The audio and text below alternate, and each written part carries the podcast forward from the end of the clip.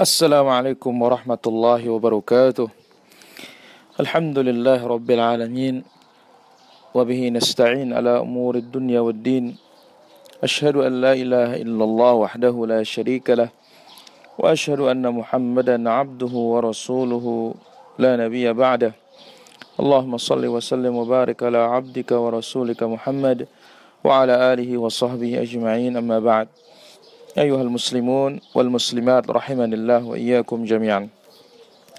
Pada jumpa yang telah lalu kita telah mengambil kaidah yang ketiga. Nabi sallallahu alaihi wasallam memerangi seluruh manusia yang menyembah selain Allah azza wa jalla. Baik yang menyembah malaikat, menyembah para nabi, menyembah orang-orang saleh, menyembah batu, menyembah pepohonan, menyembah matahari, menyembah bulan.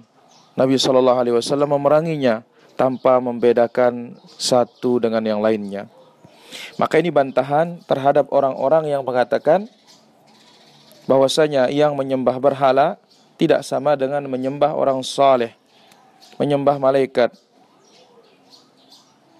Kenapa? Karena mereka menyembah berhala berupa batu-batu pepohonan, menyembah benda mati.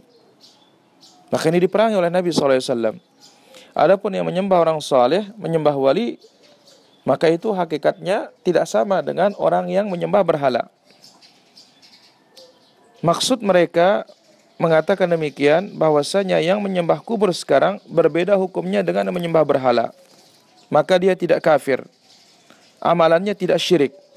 Tidak boleh diperangi. Maka kita katakan terhadap ungkapan ini dan kita jawab Rasul Shallallahu Alaihi Wasallam tidak membedakan di antara mereka. Nabi Shallallahu Alaihi Wasallam menganggap semua mereka berbuat syirik. Nabi halalkan darah mereka, Nabi halalkan harta mereka, tidak dibedakan sama sekali. Maka yang menyembah Al-Masih, Isa bin Maryam, yang merupakan Rasulullah, ya, tetap diperangi oleh Nabi SAW, yaitu orang-orang Nasrani. Yahud yang menyembah Uzair, ya ini yang termasuk orang-orang soleh mereka atau nabi mereka diperangi oleh Rasulullah Sallallahu Alaihi Wasallam tidak membedakan sama sekali.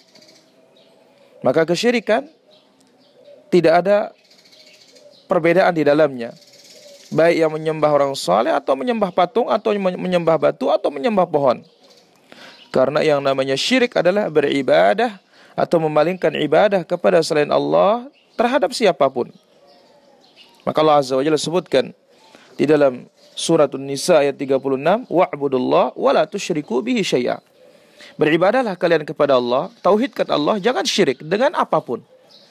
Syai'a ini nakirah, kata-kata umum dalam konteks larangan ya, dalam bentuk larangan maka mencakup segala-galanya selain Allah Subhanahu wa taala. Maka ini mencakup semua yang berbuat syirik kepada Allah Azza wa Jalla. Baik yang mempersekutukan Allah Azza wa Jalla dengan malaikat, dengan orang-orang saleh, dengan batu, dengan pohon, matahari, bulan, semuanya sama. Ini diperangi oleh Rasulullah sallallahu alaihi wasallam.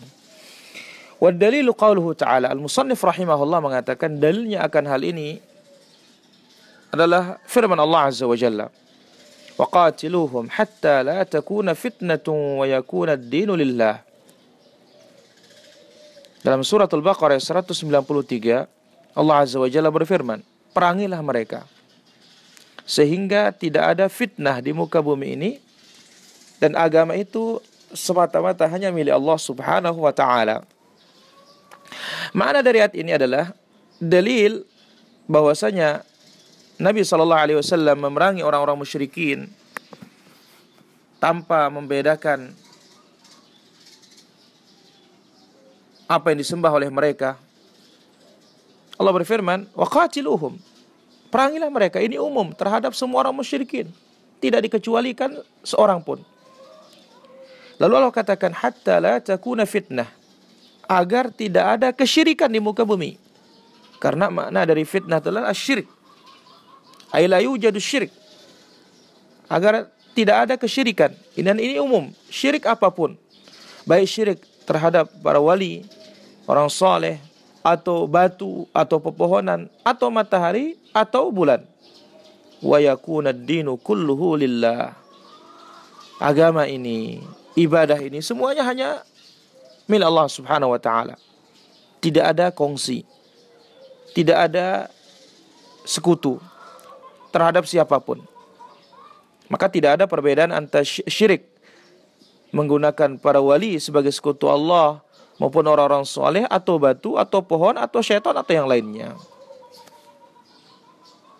Wallahu ta'ala a'la wa alam. Walhamdulillahi rabbil alamin.